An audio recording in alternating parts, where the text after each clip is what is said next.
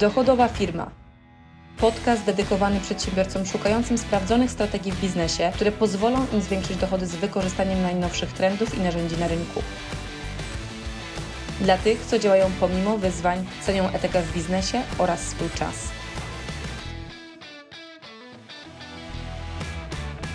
Rozmawiasz z klientem, wszystko wydaje się super, masz wrażenie, że transakcja zaraz się domknie i nagle klient zapada się pod ziemię. Wiele lat temu, jak zaczęłam budować swój pierwszy zespół sprzedaży, zaczęłam mocno obserwować, co ja robię w rozmowach, czego nie robią osoby, które rekrutują, żeby faktycznie podnieść ich wyniki e, sprzedaży do takich samych, a nawet i lepszych rezultatów, które ja przynosiłam, bo ja tylko część czasu mogłam de facto e, zaadaptować na sprzedaż w stosunku do innych obowiązków w firmie. W tym momencie już faktycznie zajmują się tym e, zespoły a moją rolą jest głównie ułożenie tego zespołu sprzedaży. Natomiast wiele lat temu, kiedy zaczęłam robić to u siebie, mój wspólnik mnie zachęcił do tego, żebym podzieliła się z tym z rękiem. I wtedy zaczęłam e, organizować takie warsztaty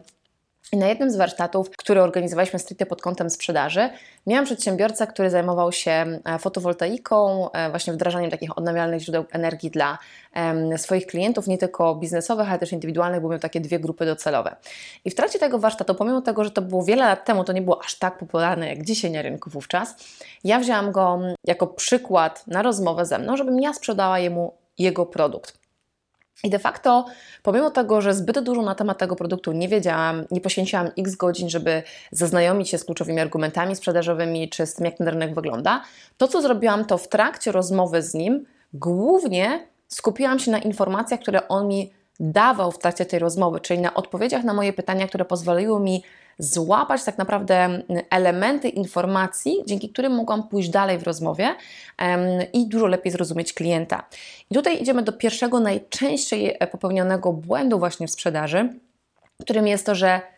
niby słyszysz, ale tak naprawdę nie słuchasz. Czyli słyszysz klienta, ale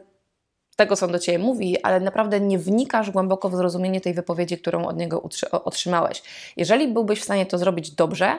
to automatycznie dużo łatwiej będzie Ci zadawać właściwe pytania, żeby lepiej zrozumieć potrzeby klienta i jaka jest jego obecna sytuacja na podstawie informacji, które już w pierwszych odpowiedziach od niego dostajesz. Ten pierwszy punkt, ta pierwsza zasada jest bardzo mocno e, powiązana z drugim najczęstszym błędem popełnianym przez e, osoby sprzedające do klienta. Mianowicie, tu pokażę Ci na przykładzie najczęściej jak rekrutuję sprzedawców, to mam okazję widzieć całą masę, nawet właśnie takich zachowań, nawet jeżeli te osoby są bardzo doświadczone. Czyli w pewnym momencie tak naprawdę mm, w rozmowie słyszę, że sprzedawca bardzo mocno skupia się na odpowiadaniu na, ewentualnie odpowiada na klienta, zadaje do jakiegoś momentu pytania, bo zazwyczaj robię taką próbną rozmowę podczas rekrutacji, do pewnego momentu zada, jak, jak zada trzy pytania, to jest już super, taka osoba, którą rekrutuję, ale w momencie, kiedy chcę yy, i ja daję dużo informacji w odpowiedzi jako przykładowy klient, żeby ta osoba miała się o co oprzeć, ale ta osoba w pewnym momencie urywa te pytania i nie wie, co ma dalej powiedzieć, nie wie, gdzie ma dalej z tymi pytaniami pójść. I oczywiście można powiedzieć, że to z jednej strony będzie zależne od tego, jak dobrą wiedzę ktoś ma na temat produktu, bo im ma, im ma lepszą wiedzę, tym lepsze pytania będzie zadawał, ale drugi bardzo ważny aspekt to jest to, na czym faktycznie się skupiasz. Bo w momencie, kiedy skupiasz się na tym, żeby sprzedać i na tym, żeby myśleć, co muszę dalej zrobić, żeby ten klient to kupił, to nie jesteś w procesie słuchania klienta i nie jesteś w procesie skupienia na kliencie, bo jeżeli jako sprzeda osoba sprzedająca skupisz się w pierwszej kolejności na kliencie, a nie na sobie, to automatycznie Twoja percepcja będzie ja chcę mu pomóc i ja chcę go dobrze zrozumieć, a nie percepcja w głowie, co ja jeszcze muszę powiedzieć, żeby jemu sprzedać ten produkt. I w ten sposób idziemy do trzeciego, najczęściej popełnianego błędu, który szczególnie osoby, które mają taką lekkość w sprzedaży pod kątem e, mówienia, interakcji z drugim człowiekiem. Bardzo często osoby, które są sangwinikami, czyli takimi osobami, które są takimi duszami towarzystwa, e, czy osoby, które są bardzo mocno nastawione na cel, czy tacy, którzy lubią osiągać, są osoby, które jak nie mają problemu z mówieniem, to lubią dużo mówić. E, I ta e, ilość mówienia potrafi zabić sprzedaż. Ja pamiętam, jak zrekrutowałam sprzedawcę do mojego zespołu jeszcze wtedy, w czasie, kiedy budowaliśmy Wolf Summita, to była dziewczyna, która wiedziałam, że ma duży potencjał, żeby być dobra w sprzedaży, ale nie miała jeszcze warsztatu, którego ją uczyłam. I e, ponieważ naturalną miała umiejętność mówienia dużo, to pierwsza z rzeczy, którą zobaczyłam w jej rozmowach, mówię, posłuchaj, jakby pierwsza rzecz, na którą potrzebujesz pracować, to jest to, żeby jej ułatwić, powiedziałam jej, myśl o tym, że proporcja tego, ile Ty mówisz w stosunku do tego, ile mówi klient, powinno być między 25% Twojego mówienia a 75% mówienia klienta. Jeżeli Ty mówisz mniej więcej, to oznacza, że de facto zaczynasz przekonywać tego klienta, zamiast pomóc jemu dojść do wniosków odpowiednimi pytaniami informacjami, żebyście znaleźli się w tym samym punkcie, gdzie i klient, i ty czujecie, że to jest dobra decyzja, żeby z tego produktu skorzystał. Więc ona to, co zrobiła, to na swoim komputerze przykleiła taką kartkę cisza, żeby cały czas w percepcji swojej głowy mieć to, że to nie ona ma zagadać tego klienta, a już szczególnie jak osoba się na początku stresuje, to ma tendencję do zagadywania klienta w ogromnej ilości, co bardzo często będzie zabijało Twoją sprzedaż. Tak więc z tego trzeciego najczęstszego błędu za dużo mówisz, idziemy do punktu czwartego, który jest niestety moim zdaniem nawet u bardzo e, wiele lat funkcjonujących na rynku przedsiębiorców nadal zauważalny. I tu mi się przypomina od razu e, jedna z naszych klientek, bardzo fajna dziewczyna, e, kobieta, która już ma kilkunastoosobowy zespół, jednak nadal ona jako właściciel trafiając do nas była zaangażowana w procesy sprzedażowe. I w momencie, kiedy zaczęła rozumieć te mechaniki, takie dobre praktyki prowadzenia rozmowy, które pozwalają jej być sobą w tej rozmowie, ale równocześnie zrozumieć dobrze klienta, to pierwsza rzecz, którą się ze mną powiedziała, mówię, Boże Basia, to, co ja robiłam, to ja po prostu zarzucałam tego klienta ofertą, przygniatałam go więc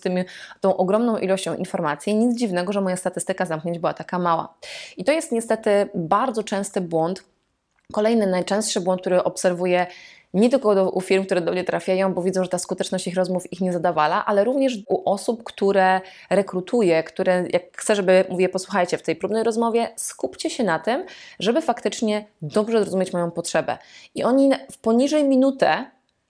pomimo briefu, czyli przedstawienia w jakim kontekście rozmawiamy i nawet mówię na początku, nie przedstawiaj mi oferty, chcę, żebyś zrozumiał po prostu, czego ja potrzebuję. To te osoby w bardzo szybkim tempie, w kilkanaście, kilkadziesiąt sekund przechodzą do tego, że próbują przedstawić mi ofertę, której jeszcze nie rozumieją. To jest jakby oddzielny temat, no bo są dopiero na etapie rekrutacji, jeszcze nie mają okazji dobrze się z tym zapoznać,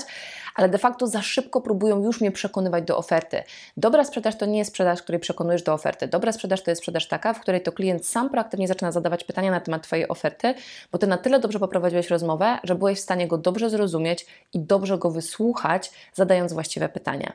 Więc zarzucanie ofertą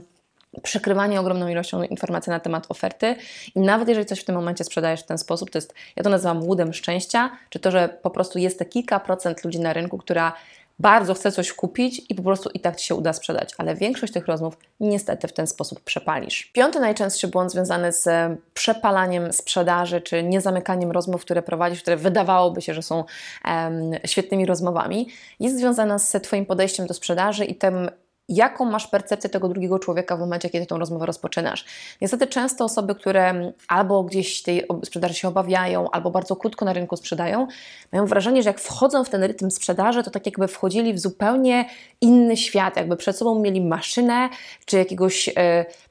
jakąś istotę, która nie jest człowiekiem. Pamiętaj, że ty rozmawiasz z człowiekiem. To jest rozmowa człowiek do człowieka, tak jakbyś poszedł i gdzieś z kimś nawiązywał relacje na jakiejś imprezie, czy przyszedłeś do znajomych i poznajesz nowych ludzi. Znaczy nie będziesz mówił kwadratowo, ja to tak nazywam, jak to jest taka sztuczna rozmowa, tylko będziesz chciał po prostu poznać człowieka. Dokładnie to samo dzieje się w przypadku sprzedaży. Na przykład tak jak Pokażę Ci przykład jednej z rozmów, którą miałam sprzedając akurat e, usługi, tam o wartości, to były usługi wartości około kilkudziesięciu tysięcy i to była sprzedaż do e, osoby reprezentującej jeden z kanałów sprzedaży, w, akurat to była firma w Dublinie. To był moment, w którym e, Umawiałam się z nim na, rozmowę, bo wiedziałam, że tam po, czwartej nie mógł rozmawiać, jak się dzwoniliśmy i pytam się, czy będzie mógł porozmawiać jeszcze dzisiaj później. I w tym momencie on mówi, nie, wiesz co Basia, bo ja potem, często jestem na ty z klientami, wiesz co Basia, bo ja później tak naprawdę to już mam trening. I teraz zobaczcie, mogłabym przejść obok tej informacji totalnie obok i w ogóle się o nią nie zaczepić, ale ponieważ słyszę, że ten człowiek trenuje, sama uprawiam różne sporty, to pierwsza rzecz, którą zrobiłam, to zadałam mu pytanie, co trenujesz? I okazało się, że trenuje boks. Ja boks trenowałam wiele lat temu, ale też akurat miałam taki epizod w swoim życiu, więc mogłam do tego nawiązać. Ta rozmowa na temat tego boksu nie trwała 20 minut, nawet 10 minut nie trwała. Ona trwała może minutę, dwie, ale miałam okazję dowiedzieć się, ile lat już trenuje, na jakim jest etapie, że to jest naprawdę jego mega fan, który ma mega coś, co mu sprawia bardzo dużą przyjemność. I podczas kolejnej rozmowy, którą mieliśmy, już umówioną w innym terminie, mogłam od tego zacząć, jak tam treningi. Tak, więc automatycznie zmiękczenie tej rozmowy dlatego, że jesteś szczerze zainteresowany tym drugim człowiekiem e, i faktycznie w tym całym procesie rozmowy budujesz relacje. Budowa relacji tak naprawdę oznacza, nie oznacza, że to, że te rozmowy mają być dwa razy dłuższe, czy um, wymagać od Ciebie jakichś półgodzinnych warm-upów tak zwanych, czyli rozgrzewania tej rozmowy, zanim przejdziesz do sedna. Ja nigdy nie robię takich warm-upów, czyli takich długich początków, bo one nie są dla mnie naturalne akurat i ze mną one nie są spójne. Ale w trakcie rozmowy chętnie poznam tego człowieka, poświęcając na to nie aż tak dużo czasu procentowo w stosunku do całej rozmowy, ale wciąż pamiętam, że rozmawiam z człowiekiem. Dodatkowo, jeżeli widzę, że w trakcie rozmowy to, co dla tej osoby mam, nie będzie dla niej przydatne i ona na tym nie skorzysta i szczerze tak uważam, to też to klientowi powiem, bo y, ważniejsza jest dla mnie relacja, bo ta relacja może Ci przynieść całą masę innych klientów i nawet nie dlatego to robię, dlatego że szczerze chcę, żeby osoba, która kupuje ten produkt faktycznie na nim skorzystała. Dlatego też pamiętaj, że Piąta główna zasada i najczęściej popełniany błąd w trakcie rozmów sprzedażowych to jest brak budowania relacji, tylko lecenie po prostu jak maszyna po to, żeby sprzedać. Szósty najczęstszy błąd, który obserwuję najczęściej w momencie, kiedy klienci mi mówią, a bo moi klienci mi mówią, że mój produkt jest za drogi. I ja wtedy najczęściej wiem, czy może być tutaj kilka czynników, tak, że może faktycznie oferta bardzo mocno odstaje od tego, co jest na rynku, a nie broni się pod kątem wartości, którą faktycznie dostarcza. Ale drugi najbardziej istotny aspekt, który tutaj ma miejsce, to jest związany właśnie z szóstym bardzo często popełnianym błędem podczas rozmów sprzedażowych, mianowicie związanym z brakiem budowania wartości. Jeżeli Ty na samym początku kliencie zadaje, ile to kosztuje i to od razu odpowiadasz na informację, ile to kosztuje, klient mówi, o Boże, dlaczego tyle to kosztuje, to nie dziw się, że tak jest. Jeżeli w momencie, kiedy prowadzisz rozmowę sprzedażową, zadbasz o to, aby zbu- zbudować serię pytań, które doprowadzą do zbudowania percepcji wartości Twojego produktu, ile on jest wart w postrzeganiu klienta, to wtedy cena nigdy nie jest problemem. Więc jeżeli Ty nie masz na swojej takiej, nazwijmy to, liście kontrolnej punktów, przez które trzeba przejść w trakcie rozmowy, żeby ta rozmowa faktycznie była w stanie się zamknąć sprzedażą i nie zbudowałeś żadnej wartości swojej oferty w postaci tego, jak postrzega to klient, to jeżeli potem bez żadnej rozmowy na temat e, ceny wysyłasz ofertę, to nie dziw się, że klient przestaje się odzywać, bo jego wyobrażenie, ile to powinno kosztować, bardzo często będzie zupełnie gdzie indziej niż to, ile faktycznie trzeba zapłacić za Twoją ofertę.